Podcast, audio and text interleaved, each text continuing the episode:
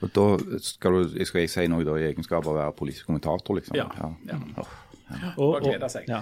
Men, Ja, for og, og verdensmann. Ja, verdens. Hjertelig velkommen til Aftenbladet. I dag skal vi snakke om politikk uten at det blir kjedelig.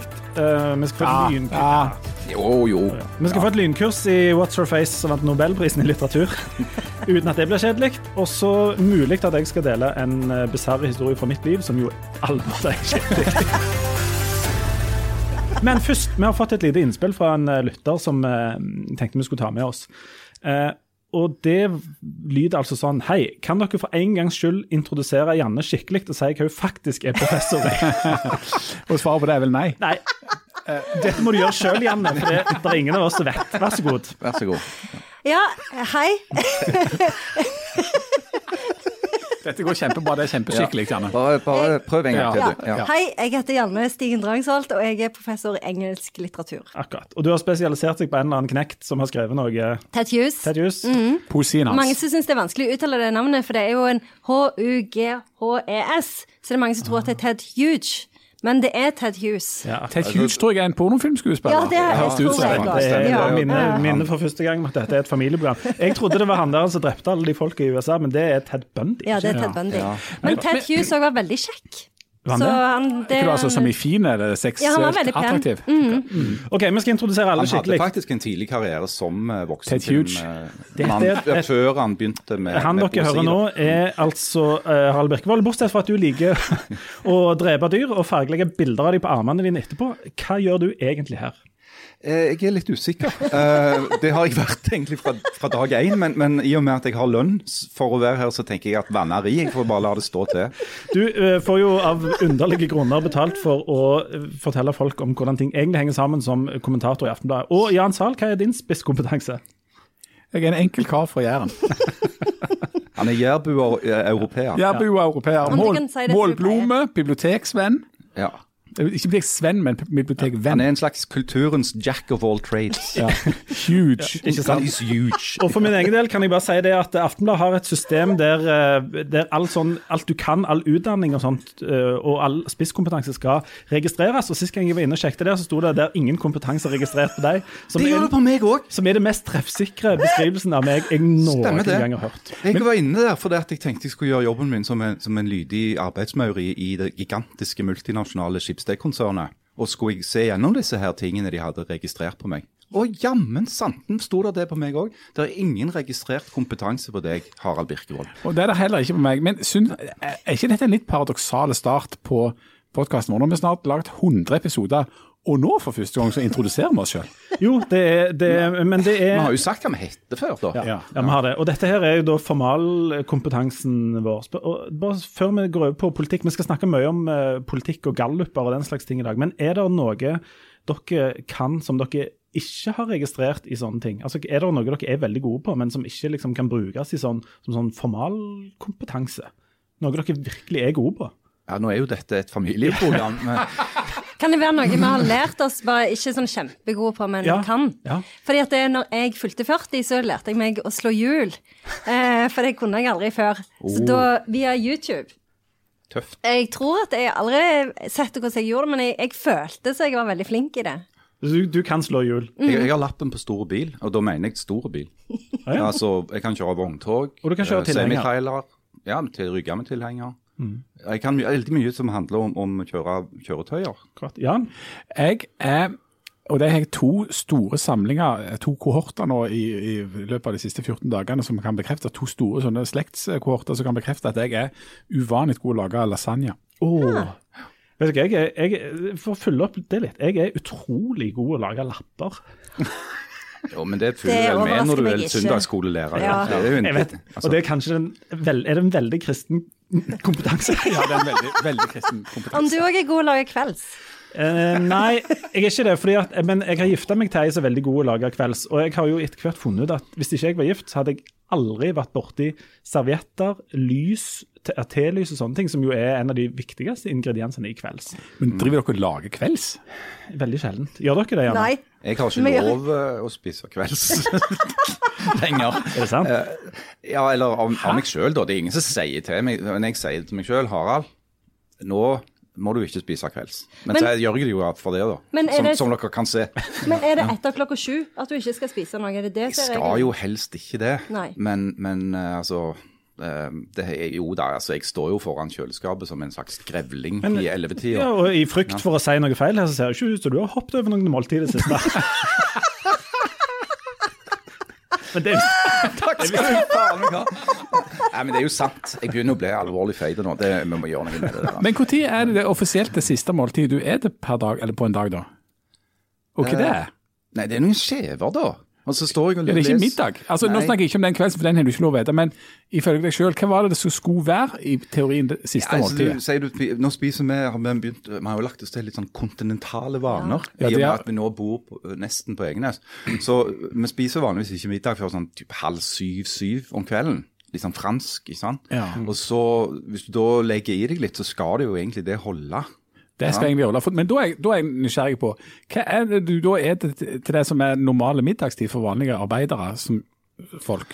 Å ja, de, ja. Kan du ikke bare forklare hele Ja, for det, dagen? ja, sant. Oh, ja, sånn. Ja, Nei, altså, jeg begynner med uh, å stå opp.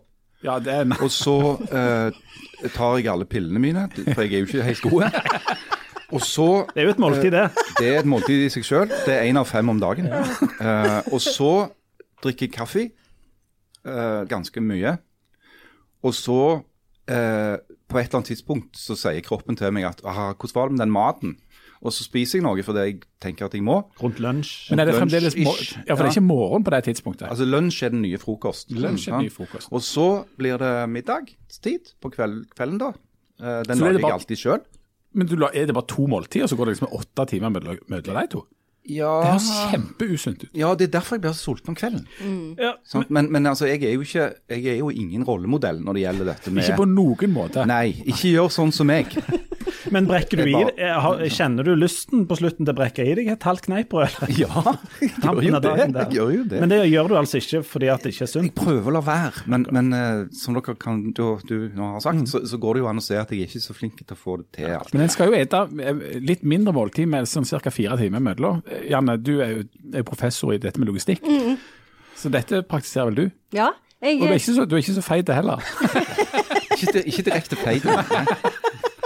Eh, ja, jeg eh, eh, prøver å tenke hvor mye tid det går mellom. Men jeg jeg syns det er veldig viktig å starte dagen med ei skål med havregrøt.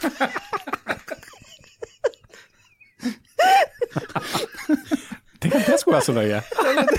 Det var måten du sa det på. Havregrøt. Det er sant, det er før du skal ut på jordene og lempe på stein. Dette har altså vært en, en kort innføring i forskjellige i måltidsrytmen til et par av oss. Jeg tror vi, vi kapper det der og går over til noe du har enda mer greier på, Janne. For eh, der er, i siste uke ble det utdelt en um, Nobelprisen i rett og slett i litteratur til eh, Louise Glück. Og jeg har jo lest alle heftene hennes, og det må jeg si, her kom eh, Nobelkomiteen lovlig seint Ja. inn, syns jeg. Jeg liker jo særlig tidlig Glück, der hun var liksom litt sånn rå og upolert. Syns gjerne hun har blitt litt sånn konvensjonell og falt litt inn i, i, i rekkene nå Eh, i det siste. Eh, samtidig så syns jeg jo at eh, de siste utgivelsene hennes eh, oppsummerer tidsånden og hennes forfatterskap på en fin måte. Leif Tore, Ja. nå leser du bare opp fra skjermen. Hvis ikke du hadde sagt det, hadde ingen ingen visst det. Du, um, men altså, jeg, som vanlig, så vet jeg, bortsett fra når Bob Dylan vant, så aner jo ikke jeg hvem disse folka er. Men uh, dette er jo på en måte ditt uh, felt. Uh, kanskje du bare, Og du er jo veldig god i å få oss til å late som om vi kjenner til disse. Kan ikke du uh, fortelle litt om hvem hun er? Jo, eh, Louise Gluck, eh, født 22. april. 22. april, ja. Jeg velger meg i april.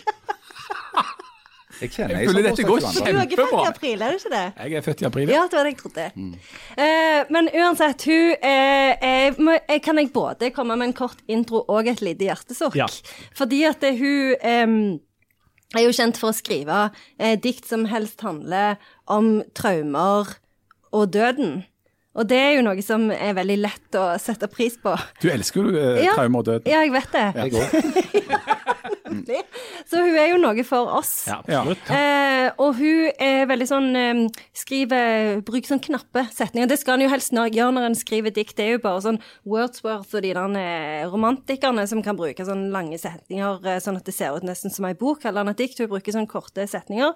Og så eh, Ja, det er jo helst det. Altså, hun skriver om svu, altså det, det som er poenget med, med dikt, er jo at du skal eh, på en måte kunne uttrykke ting som ikke kan uttrykkes på en annen måte. Sånn at det, det som det egentlig ikke finnes ord for, det kan du likevel si med dikt. Og det er det hun gjør. Og jeg har tenkt å lese fire enormt, linjer. det høres enormt flott ut og kjempepretensiøst ut, og hva i all verden betyr det? Nei, men jeg syns ikke, ikke det er det. Kan jeg lese, les- kan jeg lese ja. fire linjer? Men det er på engelsk, da. Eh, Det diktet heter Pastoral. Eh, Og der står det No one really understands the savagery of this place. The way it kills people for no reason, just to keep in practice. Og det oppsummerer jo hvor fælt det er å leve ganske godt. Hva er poenget med døden? Jeg kjenner jeg blir så lei meg av å, eh, av å lese det, og samtidig litt sånn eh, at det er liksom noe sånn storslagent da, over måten hun legger det fram på, som jeg bare Som, som jeg kjenner åpner noen Det åpner noen dører i meg. Nei, men jeg vet Ja, altså, ikke. Jeg bare, jo, men jeg, ja. Mm. det, dette var kjempefint. Eh, det oppsummerer på fire linjer noe som Cormac McCarthy brukte en hel bok på å skrive, 'Blood Meridian'. Nemlig. Nemlig. Harald vet hva det dreier seg om. Velkommen her til den litterære salongen. Aftenbladet, litterær salong. Men kan jeg si noe? Jeg, det var det hjertesukket jeg òg hadde tenkt å så For hvis du leser om Louise Gluck på, på eh, eh, Wikipedia, så er det jo sånn at da står det liksom sånn Hun er kjent for å skrive sjøl biogra eh, biografisk eh, poesi, og hun hadde anoreksia som ung. Så det er liksom sånn typisk sånn at eh, kvinnelige poeter eller forfattere generelt skal liksom presenteres på den måten, og jeg syns at det er jo liksom det skjønner jeg ikke. Sånn, sånn generelt med eh, lyrikk så er det ofte sånn at en bruker litt sånn dustete ord til å beskrive det, som vi gjør, sånn som dere sa før, at du får ikke lyst til å lese det. For det er liksom sånn Å ja, hvis det bare handler om livet hennes, da gidder jeg jo ikke lese det. Altså, det er jo ikke det Altså, stor poesi handler om de store universelle temaene, og ikke forklarer det til oss, men gir oss en annen måte å se det på, og lar oss forstå det med en annen del av kroppen eller bevisstheten enn den vi bruker til vanlig for å forstå ting. Men dette var veldig merkelig, fordi at på uh, Wikipedia, jeg også har slått opp på henne, så står det ingenting om at hun har hatt anoreksi eller skrevet om seg sjøl. Har jeg brukt falsk Wikipedia? Ja, altså, Kanskje det er Sikkert fordi at det er på feil språk. Det står at hun ble, eh, det står hvor hun ble født, og hvordan hun har jobbet, at hun har fått masse priser. Men er det Norwegian Wikipedia? Dette er, på, dette er selvsagt på norsk, det er jo det som er det beste. Ja, men jeg er på engelsk Ja. Wikipedia. Sånn at det betyr at du bør være kritisk til det engelske språk, for på norsk så driver vi ikke på med Nei, den der det typen nei, det er eh, helt sant. eh, ja, Men det kan om jeg kan få lov å si noe intellektuelt. ja. Prøv. Lykke til. Lykke For til. eksempel eh, andre poeter som har fått nobelprisen nå i moderne tid, f.eks. Thomas Tranströmer og Seamus Heaney, eh, de blir ikke omtalt på samme måten som, uh, som Louise Glück gjør. Uh, og det, er to poeter, det var to som jeg hadde hørt om når de fikk nobelprisen og lest. Uh, eh, men, men det var det som var så merkelig, for det at dette var den andre du, Hva heter nå hun du som kan dette her? Hun poeten fra Polen som vant? Jeg vet noe sånn Ja, ikke Anne Wisława Szymborska? Ja, si det. Ja. Men, men hun hadde jeg heller aldri hørt om. Nei. Og jeg hadde ikke hørt om Louise Glück. Altså ab absolutt aldri. Jeg hadde aldri hørt navnet hennes i noen sammenheng før det sto på NTB hast at eh, hun hadde fått nobelprisen. Men, det er men, litt sprøtt. ja, syns jeg. ja, ja, sprøtt og sprøtt. Det er jo veldig vanlig, og det er jo det som er noe av det morsomme med denne nobelprisen, og som jeg ikke vet om jeg skal være glad for eller syns er litt sånn teit, eller om det er ja, hva i verden det er et uttrykk for, det vet jeg ikke. For det kommer jo stadig vekk navn som får nobelprisen i litteratur som ingen av oss har hørt om, hvis du ikke er ekstremt tett inn på noe. Så da kan du enten tenke at det er fordi at disse uh, fornemme personene borte i Sverige liksom er i stand til å løfte fram noe som, som flott, som er veldig ukjent, eller, og, og som alle burde visst om, eller om det er bare at de er sære og rare. Det, men det morsomme er jo det er en sånn, eh, sånn gående vits som nå har faktisk gått siden år 2000, når de deler ut eh, nobelprisen i litteratur. For vi er ikke de eneste som har tenkt akkurat dette. Det er, altså det første, for første gang dette skjedde, så ble altså nobelprisen i litteratur delt ut til den eh, kinesiske poeten. Og nå skal vi se hvor mange som hadde hørt om, om, eh, om han.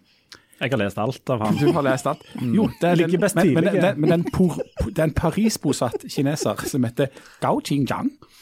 Eh, da han fikk nobelprisen i litteratur, så ropte en person i forsamlingen plutselig ut 'Endelig!' Altså, endelig.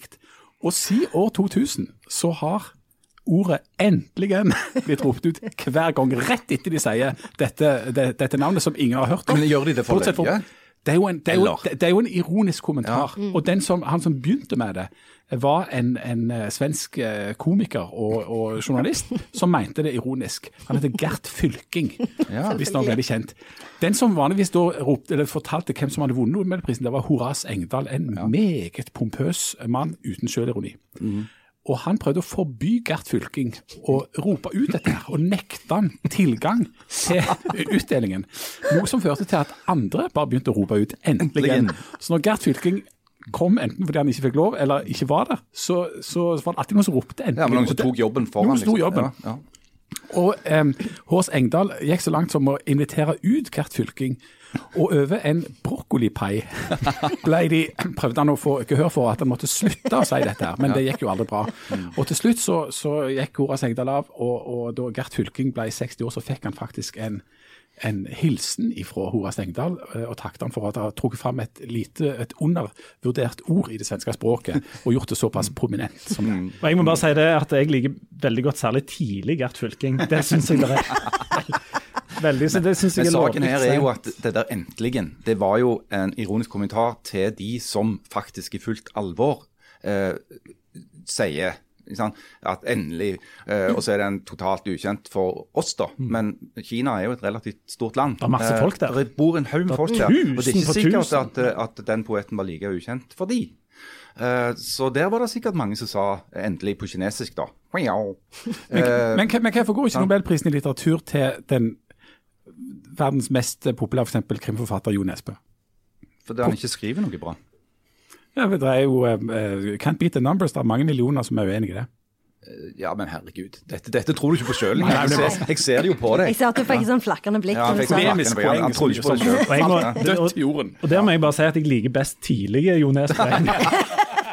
Jeg synes at De siste har blitt veldig konven- konvensjonelle, sånn, selv om den siste Ja. delen av forfatterskapet hans egentlig oppsummerer både tidsånden og hans tidlige verk egentlig på en fin måte. Han har blitt fanga av sitt eget formspråk. Nok om det. Nå skal vi snakke om uh, politikk. Fordi denne uka har Aftenblad, Aftenbladet, eh, altså Harald Birkevold og Jan Zahl personlig ringt opp en hel haug med folk for å spurt hva de ville stemt hvis det var valg nå.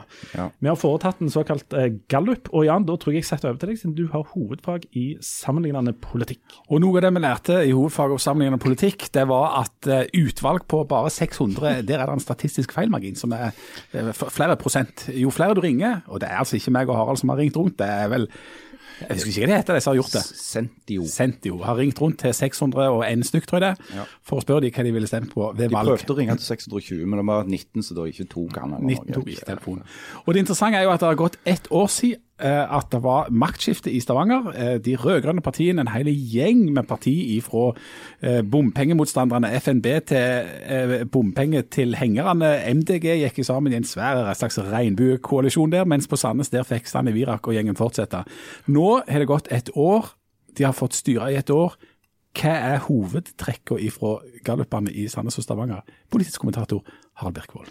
Jo, nå skal du høre. Eh, hvis det hadde vært altså hvis denne meningsmålingen hadde vært representative for eh, holdningene til folk, og det hadde vært valg i Stavanger, på Sandnes og Rogaland, altså lokalvalg, akkurat nå, så ville ikke det lenger vært flertall for de som sitter og styrer Stavanger. Da ville Høyre hatt ordføreren. Og vedkommende hadde hett da eh, Jon Petter Hernes eller Sissel Knutsen Hegdal. Men gjelder det både for Sandnes og Stavanger? Nei, i, i Sandnes derimot så virker det som om Arbeiderpartiet, og særlig Stanley Virak, da, eh, holder stand ganske godt. Eh, det ville fortsatt vært flertall for den konstellasjonen som, som styrer Sandnes i dag. Det som kanskje er mest oppsiktsvekkende, for det, som du helt riktig påpeker, så er et utvalg på 600 personer er for lite til å si noe med to streker under. Eh, da måtte det vært minst dobbelt så stort, kanskje tre ganger så stort. Eh, Så det er en såkalt feilmargin i disse tallene. Og de, den feilmarginen er større jo mindre partiet er. Eh, Men det som du rett og slett ikke kan se vekk fra i disse målingene, for det er både på fylkesnivå og kommunalt nivå, så er altså bompengepartiet FNB, Folkeaksjonen Nei til mer bompenger, er utradert eh, på disse målingene. De ville ha fått nøyaktig null representanter i Stavanger kommunestyre. Og det må jo være fordi at etter at FNB kom inn i makt og stilling og posisjon, så fikk de lagt ned alle de bompengegreiene. Nei, forresten. Nei, forresten. Det var akkurat det som ikke skjedde. Sånn at Jeg tipper at en god del av de som stemte FNB, eh, føler seg litt sånn snødende. Eh, noen av de er politisk konservative, som hadde bompengesaken som sin liksom ensags Altså dette er det viktigste av alt. Jeg stemmer FNB for jeg har ha vekk de der jækla bompengene. De ble vonbrotne av to grunner. Det ene er at bompengene ikke forsvant. Da. Og det andre er at eh, de da valgte rød-grønn side eh, nå for å få makt i Stavanger. Eh, sånn at en del politisk konservative FNB-ere har forlatt partiet og gått tilbake igjen til det de egentlig De har typisk stemt Høyre eller Frp eller noe sånt alltid, men så satsa de på FNB denne gangen for de tenkte de kunne få gjort noe. Så skjedde ikke det. Eh, en annen, et annet hovedfunn her er jo at Høyre i Stavanger eh, går veldig kraftig fram. Og i Sandnes. I i begge Sandnes, byene går ja. Høyre fram 10 prosentpoeng. Det er masse. Det er mye, og det er mye mer enn de nasjonale tallene tyder på.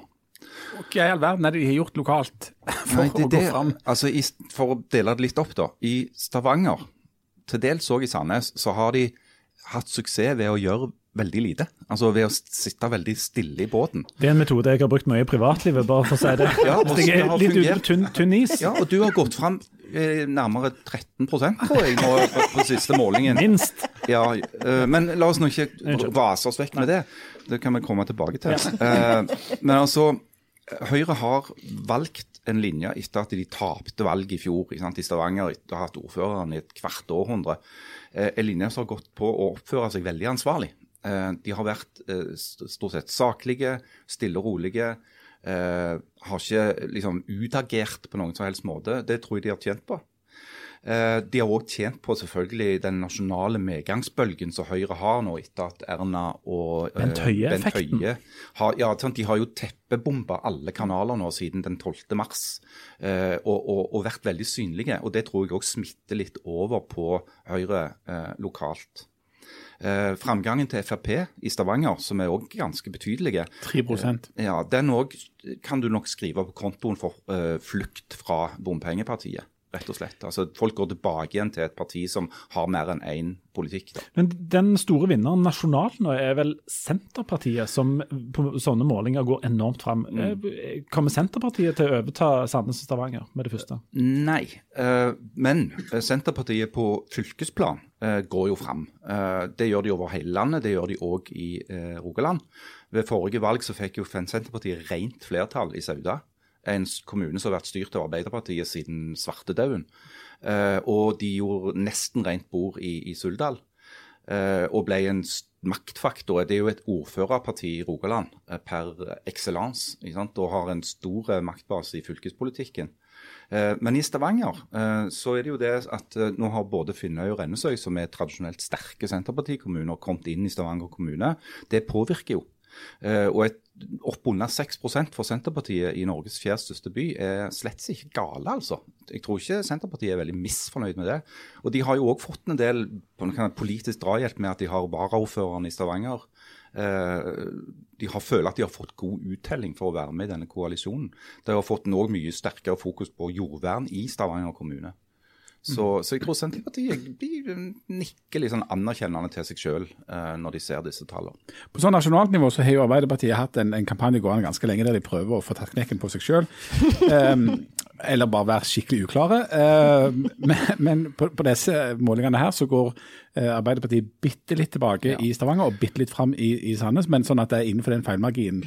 Eh, og så er det jo sånn at Kari Nessa Nordtun, ordfører i Stavanger, har da sittet bare i ett år, mens Stanley Wirak han har sittet siden 2011, er det vel. Hva er det eh, Janne Sandnesbu, professor, menneske og politisk kommentator Drangsholt Se, Lokale helst. Lokal helt. Altså, Stanley Virak han er, han er en populær type borti Sandnes der. Hva er det med han? Jeg tror at folk liker at han skifter standpunkt så mye. ja, ja, det, ja. Ja, han er fleksibel. Ja, han, han er veldig fleksibel. Han er dynamisk ja, han, fleksibel, Han er? Mm. veldig dynamisk. Eh, og sånn som når han kommer inn i en debatt, så har han et standpunkt, og så kan folk være litt sånn sinte, og så skifter han mening. Og så gjør vi det andre heller. Og så tror jeg vel at det, det er sånn så eh, har det seg med liksom eh, FNB Eh, nei, heter de FNB? Ja. Ja. Eh, at eh, folk føler at han har gjerne klart Han fikk jo At det var hans fortjeneste å få vekk den rushtidsavgiften. Ja. Sånn at det de ikke klarte, det klarte han. Sånn at jeg tror det er Som han jo var for, for tidligere. Selvfølgelig, Ja, men det er jo en del av den der geniale eh, strategien. Ja, han er- Så, ja, så dette, jeg tror at folk tenker at det, eh, der de svikta, så Altså alle de som stemte på FNB, de stemmer nå på Stanley Virak. Ja, for Han er jo så fleksibel eh, at han både altså skifter mening, og at han samarbeider med det som i utgangspunktet er Arbeiderpartiet sin hovedkonkurrent, altså Frp. Ja. Det er jo ganske, det er jo liksom å oppheve mange av, av de politiske eh, tyngdelovene. Ja, altså, eh, eh, Sandnes kommune burde jo blitt studert nærmere av folk med hovedfag i sammenlignende politikk. Ja, Eh, nettopp de- fordi det er en sånn umake par. Men personkjemien mellom Stanley Virak og Pål Morten Borgli, som er varaordfører, det er jo utmerka. Eh, og de har oppnådd en god del. I, altså de, har, de har skapt en stabile politiske allianse, så de har klart å få lagd en god del politikk. da. Eh, og det er jo, Du skal ikke undervurdere det. Altså Evnen til faktisk å levere på en del politiske løfter, eh, det, det er noe som velgerne setter pris på. Så ja. Ja, men hva fikk de så biringt? Altså, De gikk jo ringt med Høyre da i forrige valg, men nå har de da hoppet eh, fram eh, 10% Du bor jo i villa, professor Janne, og har jo til et sånn eh, nivå som sikkert er masse Høyre-folk som eh, behersker sin champagne og alt dette her.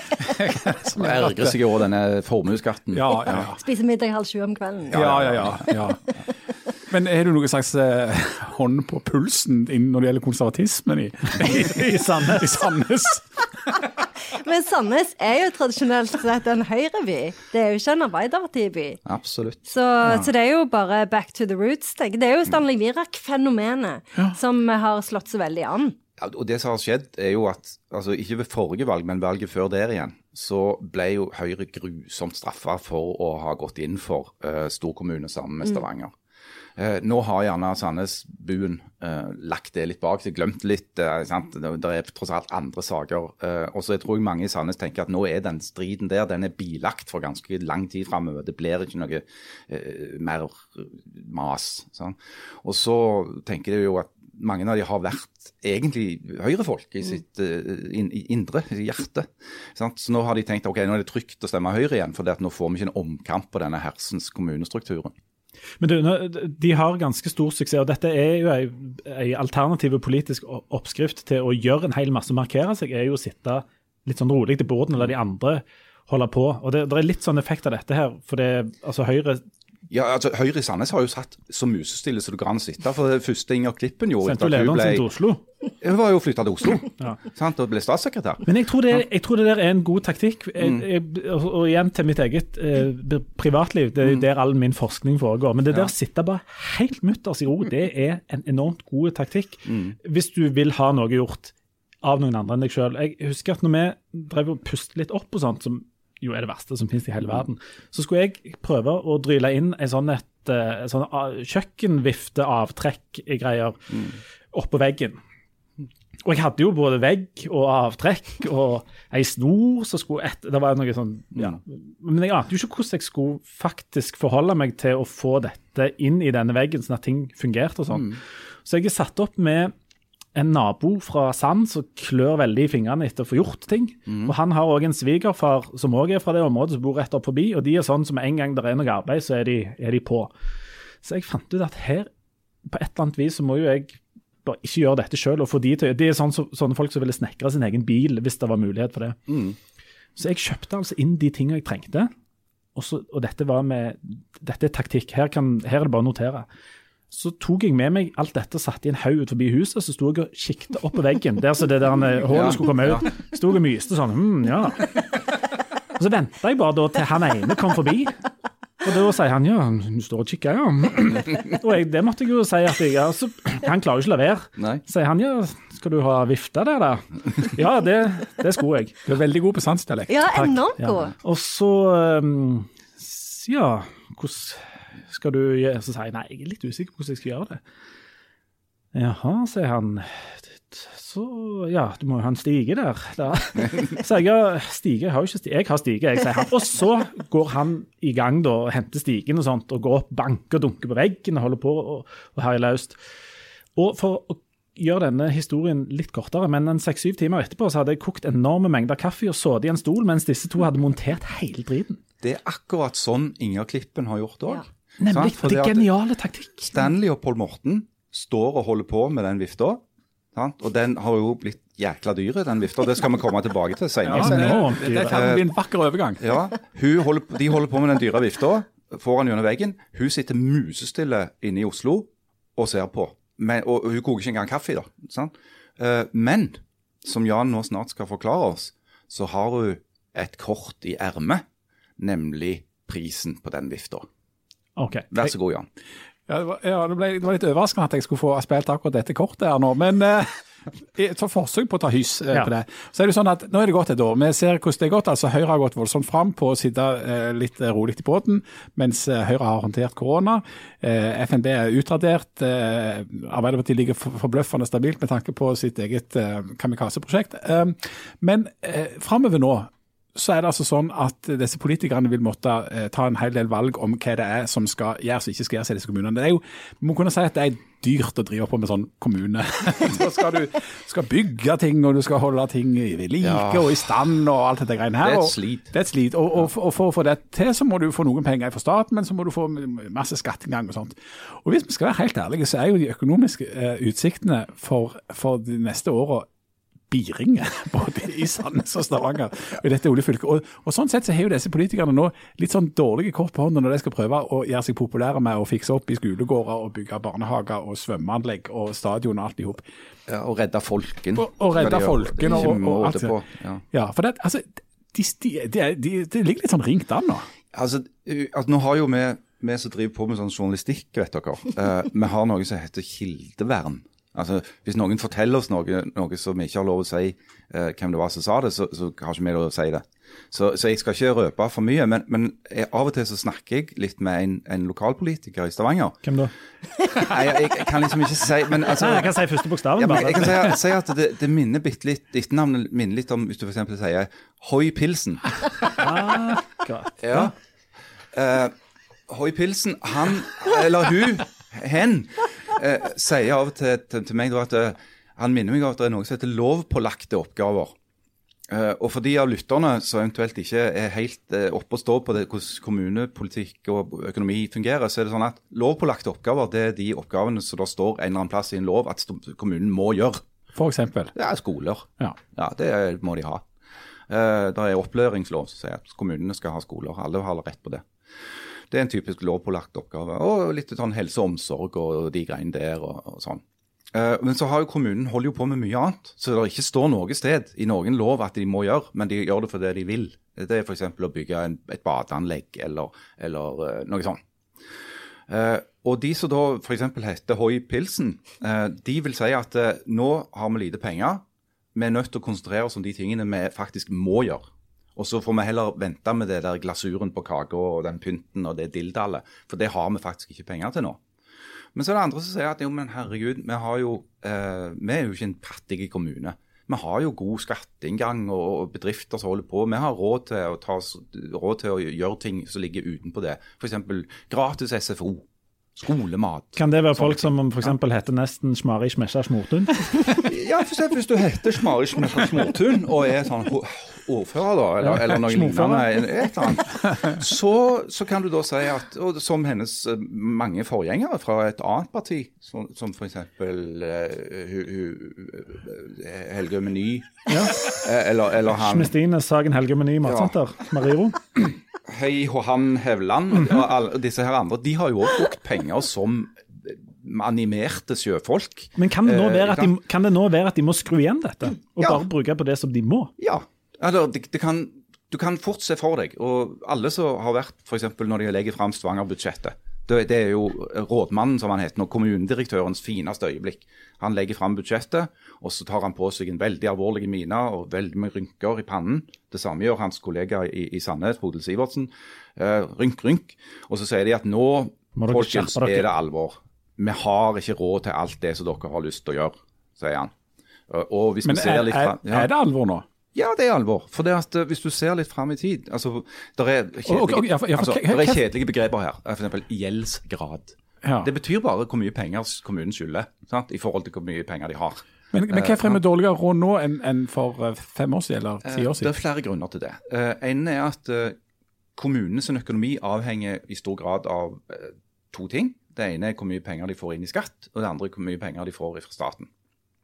Eh, Og når begge de to tingene krymper, eh, og det ikke ser ut til å være utsikter til at det skal øke særlig mye heller i overskuelig framtid, så betyr det de har, rett og slett har mindre penger å rutte med. Det er akkurat som en vanlig familie. Sant? Hvis, du, hvis du tjener mindre, så kan du bruke mindre. Så. Jeg leste i herværende avis etter Aftenbladet, som jeg anbefaler alle å abonnere på, eh, betale for, eh, at eh, Sandnes kommune nå skulle spare 250 millioner kroner. Da eh, blir det mindre Vet ikke hva det blir mindre da, eh, Janne? Jeg vet ikke, de Hvor vil du kutte, Janne? Ja. Ja. Altså, de, de kutta jo i én konkret ting, det var faktisk litt humor. For det at eh, Sandnes, De har bygd nye stadion på Sandnes Ulf, og så skulle de ha kunst uh, ute på veggen der. og Det skulle koste 200 000 kroner. og Så gikk eh, Stanley Virak inn for å kutte det til 100 000. Ja. Men etter at uh, jeg tror det var FNB eller noe sånt, så, ja, det var i kommunestyret så ble det kutta til null. Så nå har de spart uh, 200 000 der i kunst og kultur. Og det er jo du opptatt av. 200 000 av 200 millioner. Ja. Da er Jan du- er kulturjournalist. Hvor mange er det prosent? Nå skal jeg regne. Skal vi se, Da må du låne fra tieren. ja, så må du stryke null eller to. Om du deler på 100 hvis du skal ha det i Ja. prosent. Men, men skal vi, skal vi, siden dette er vanskelig så skal vi nøye oss med å si at det er nesten 1800 ingenting? Nei, nei, Leif Tore, det er ikke det. Men det, det er veldig, veldig lite. Ja, det er jo det. Og det er jo ganske utrolig at de legger en stadion midt i et sånt et boligområde og lager den i betong, og så skal den bare stå sånn. Men du vet at dette er Stavanger sin feil. Ja, det er det at selvfølgelig. eh, dette hadde, altså, greia var at når Viking skulle ha ny stadion den gang, vet du, for lenge siden, 25 år siden, så uh, ga jo Stavanger kommune tomta til, til Viking. Vær så god. Uh, av en eller annen grunn. Istedenfor at de måtte betale for den. Det var liksom Stavanger sitt, sin gave til, til, til byen og Viking og sånn. Og det har, Folk er jo ikke dumme. Eh, sånn at når, når f.eks. Oilers skulle ha nye sånne arena oppe på Tjensvoll der, så skulle de jo ha tomt. Og nå skulle Sandnes Ulf skal ha tomt. Det var klart det, når Viking fikk. Så har du det gående. sant? Masse tomter. Ja, ja, ja. Når Klepp, Kurong og. Svingerslag skal ha egen arena, så må Klepp eh, stille opp med, Ja, de må med jo tomt. det. det. Herregud. ja. Men du, når det, når det blir sånn trangere, trangere tider og mindre penger å bruke, hvem er det som vanligvis eh, tjener på det, hvis vi ser for oss at de tre neste år Tjener de taper jo på det, da. Ja, eller taper på det. Ja, politikerne. Altså, hvis vi ser for sånn. oss at de tre neste Ja. blir litt At det ikke blir gull og grønne skoger, det blir mindre penger å bruke. Er det de som da sitter med makta som må ta støyten for det, eller er det de som sitter helt Det er rolig? eller? selvfølgelig verst for de som sitter med makta. Og, og Kari Nessa Nordtun, eh, ordføreren i Stavanger, hun har jo en særlig utfordring fordi at hun har en koalisjon bestående av seks partier. Og når du skal lage budsjetter i en koalisjon med seks partier, så skal jo alle vinne litt. Alle skal ha hjertesaken sin igjennom. Eh, og hjertesaker, politiske hjertesaker har det med å koste penger.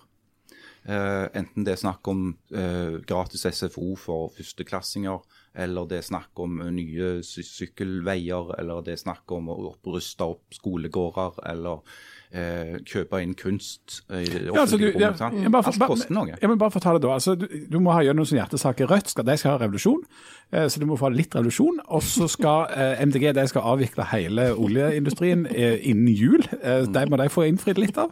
Så du Eller innen første søndag i advent. ja, og så har du da FNB, de skal fjerne alle sånne bomgreier eh, innen I. I, i forgårs. Ja. Akkurat hva som er Arbeiderpartiets hjertesak, det er jeg litt usikker på. Det er varm skolemat på De gratis et- SFO. Arbeiderpartiet er et styringsparti, vet du, så de sitter jo bare og hører på alle de andre. Sånn, Ja, ja, så- Og- og- De- ja, ja. og S- Sånn som Erna ja, gjør i Ja, regjering. og SV de skal ha gratis briller til alle. Uh, og så hvem er det mange da? Senterpartiet. De, skal, de skal ha pløyd opp store deler av sentrum og planta poteter. Det skal de ha litt gjennomslag for. Og Da blir det et styr. De skal smi våpnene om til plogjern. Ja. Ja, eller Er det flere partier Jeg mener det bør gå, gå i hop. Og hvis du begynner i Sandnes, da, så blir det enda mer eh, eh, vann mellom båtene, skulle en tro. Eller, ja. Nei, altså det, det er klart at Sandnes er jo i, i eh, et økonomisk uføre. Det er sikkert ikke uløselig. sant? Det er en god del det går an å, å, å kutte her og der. Men det er klart at det kommer til å merkes Det kommer til å merkes av helt vanlige folk i Sandnes, sånn som f.eks. Janne Stigen Dransholt. Familiemor fra altså, ja. Sliter med å få leder endene til å liten- møtes. Daglig leder i en liten familiebedrift på Sandnes. Altså, hvordan vil hennes unger få det? Det er forferdelig, vil jeg tro. Ja, jeg merker det allerede. Har du merka til at de har begynt å kutte? Ja. For det er jo lenge siden. De får jo aldri nye sånn skrivebøker på skolen lenger. Gjør de Så, ikke? Nei. Må de skrive på den gamle PC-en? De må viske ut det de har skrevet, og så må de skrive det på ny. Mm. Det er fryktelig. Du, sånn rettetast, eller sånn eh, at du kan bare holde ned den X-knappen, og så stryker du ut alt? Eller du kan merke alt, og så bare ta X? Jeg vet ikke om det går an på Chromebook. Så må du, noen, noen kommuner er jo så fattige at de, folk må kjøpe rettetasten sjøl. Ja, Men, men det som iallfall er helt sikkert, uh, altså du ikke trenger verken hovedfag eller ikke engang Forberedende. brevkurs i sammenlignende politikk for å forstå, det er jo at eh, når det blir mindre penger, og det gjør det, det er helt sikkert, eh, så vil jo de politiske prioriteringene bli hardere, og da vil òg den politiske temperaturen gå opp. For det at da blir det snakk om den gode, gamle definisjonen på politikk. Fordeling av knappe goder. Og Det er jo ikke noe problem å være politiker hvis du har problemet ditt er å få utgiftene til å strekke til. Sant? At du har nok penger til alt.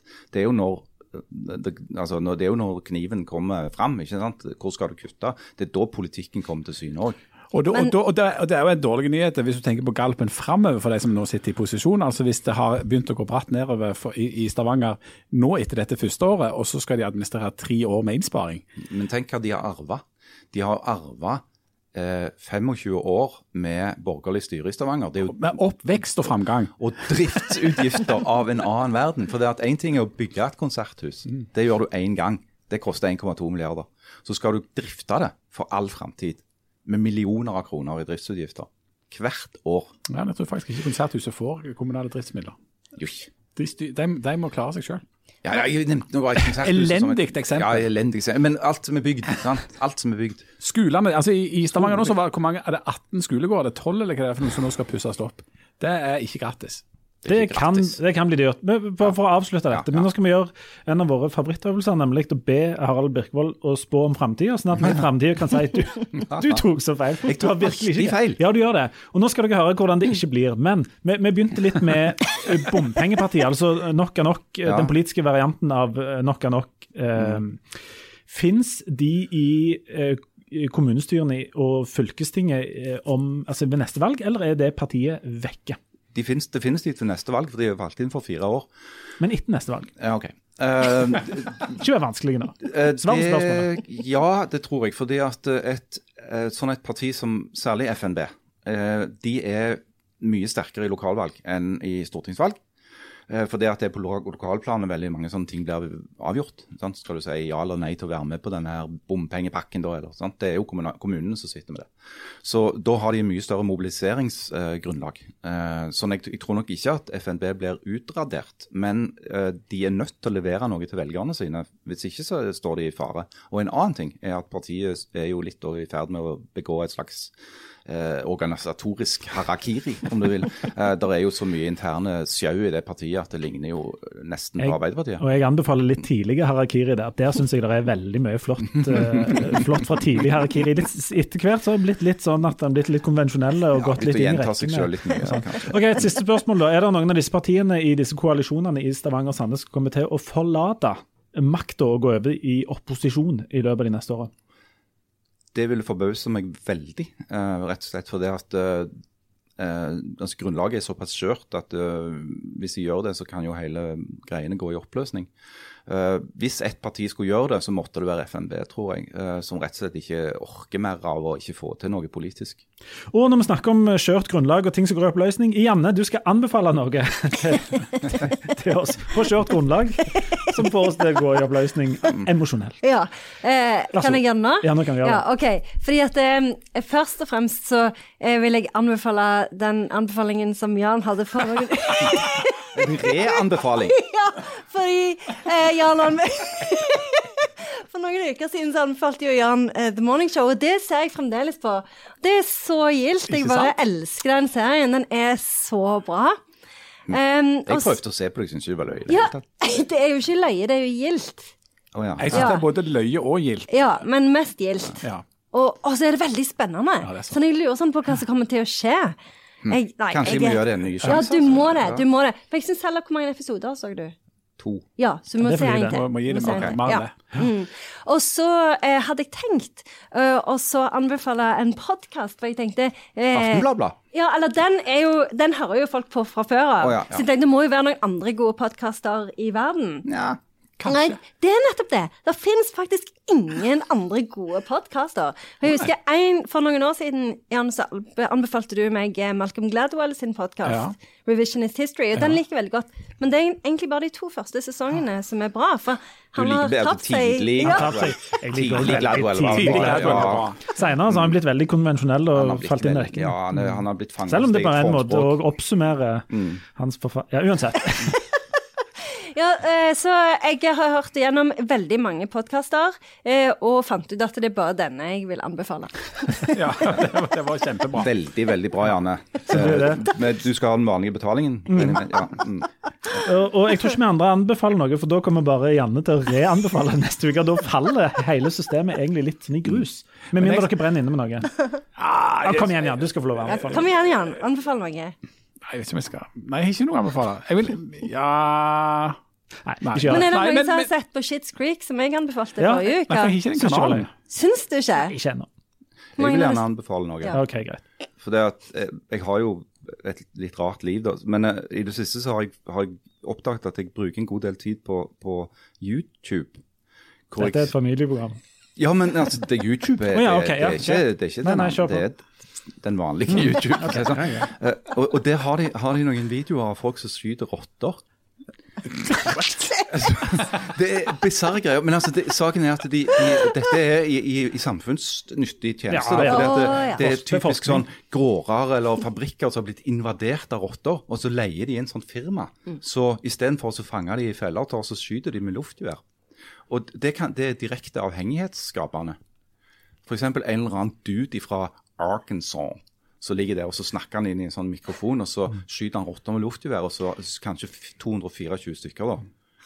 Jeg Og så står det helt i, helt, i begynnelsen, helt i begynnelsen av videoen står det hvis du ikke liker å se på videoer av folk som skyter rotter, så ikke se på denne videoen, for det er at her skyter vi rotter. jeg har et helt konkret forslag til at du tar kontakt med fastlegen din og utvider den menyen til frokosten. Men det, det er underlig tilfredsstillende. Ja, og derfor tror jeg du trenger mer medisiner. Jo, Det er sa, samme kaffe noen, bare få noen flere. Men jeg kommer med en anbefaling likevel. Og Siden du sier at det ikke finnes noen andre podkaster, så finnes det noen. Um, en ganske morsom miniserie heter Winds of Change. Å, den er gøy. Den er gøy. Den kan jeg anbefale. Den handler altså om hvorvidt Scorpions sin monsterhit Winds of Change ble skreven av CIA som en, eh, som en del av den kalde krigen. Den er eh, kostelig og fin å høre på. Den anbefaler jeg òg. Det er en av de få podkastene jeg har hørt på sånn, og, og ledd sånn ja. høyt uh, av uh, hjemme. Eller, sånn litt sånn galmannslatter. Sånn. Og da vil jeg bare påpeke at siden du gjerne reanbefalte Jan sin anbefaling allerede nå, så får du ikke lov å re-reanbefale den neste gang. Du må klare å tenke noen selvstendige, originale tanker. Det er ikke lov å ha replikk på replikk. Nei, faktisk ikke. Nei. Og nå helt til slutt, før vi går, så skal vi ta den vanlige spontanrunden. Og i dag så vil jeg be alle om å Fortell hva vi skal lage til middag. Nei, ikke det. Vi skal ikke det. Vi skal, dere skal komme på på sparket her et, eh, et Vi snakket litt om sånn eh, protestpartier og litt sånn marginale partier, som FNB f.eks. Um, kom på et protestparti som representerer eh, deg som du vil stille til valg med neste valg. Hva, eh, hva slags parti er det? Hva heter det? Harald Birkevold. Folkeaksjonen mot uh, inspirerende ordspråk på Facebook. Forkortelsen blir FMIOF. Det er veldig fengende, utrolig fengende navn. FUMOF. Nuff. Det er bra. Jan Sahl. Folkeaksjon mot år 2000. Det, ikke, ikke forklar den, bare la den henge der. Den bare lar vi henge. Janne, ditt parti er uh, må jeg ha sånn folkeaksjon? Nei, nei. nei, ikke Eh, Du har ikke lov å reanbefale Jan sitt parti. Prøv å tenke sjøl. Janne og Kåre sitt parti er mot å legge ut bilder av at du har bada ute i oktober. Det er et bra parti. Det stemmer jeg på. De der som bader ute i oktober, altså det Der fins en egen krok i helheimen for de folka der. Med masse varmt vann. Leif Tore, hva, hva vil du gå til felts for? Jeg, jeg, jeg har tenkt litt at jeg burde jo ha, ha friska opp Avholdspartiet, som jo var et forriktig parti i, Ja i hine Mm, Det var Men så- Stavangers største. Ja, det var det. Men så har det seg sånn at jeg er jo uhyre skeptiske til avhold. Ironisk nok. men, men det jeg sier, jeg skroter de, og tror heller jeg vil, jeg vil ta en gammel kjepphest, nemlig eh, dyslektikere som har et ambivalent forhold til EU. Så vil jeg pusse liv i partiet Hei til EU. Ikke vet helt om det er nei eller hei, eller Det minner meg om en, en graffiti som sto på doen på, på Hulen i Bergen i mange år, som, som overlevde en haug med sånne oppussinger og aldri ble tatt vekk. Så sto det 'dyslektikere i alle land', kolon. Fonedr! Nei, det sto ikke det. Det sto 'fornedreder'. Uansett, jeg tror med disse sterke inntrykkene så eh, takker takk vi for i dag. Hvis dere har tilbakemeldinger til ting dere mener vi bør snakke mer om, eller i hvert fall ikke bør snakke om, eller at vi f.eks. bare bør legge ned, så søk oss gjerne opp. Hvis vi skal være ærlige, det kom ikke ei eneste tilbakemelding i det siste. Jo, jo, jo. Jo, det kom den ene, ja. Ja, og introdusere eh, Janne. Janne skikkelig. Og det har vi gjort. Så vi tar tilbakemeldinger på høyst alvor. Jeg vil særlig anbefale å søke opp Harald Birkevold. Han er veldig glad i alle tilbakemeldinger han kan få. Harald Birkevold på Facebook. Og med det takker vi for nå og snakkes om ei uke. Ha det! Ha det. God middag. Trodde du brekte opp en sjokolade der? Melkesjokolade. Oh, fruktnøtt. Nei.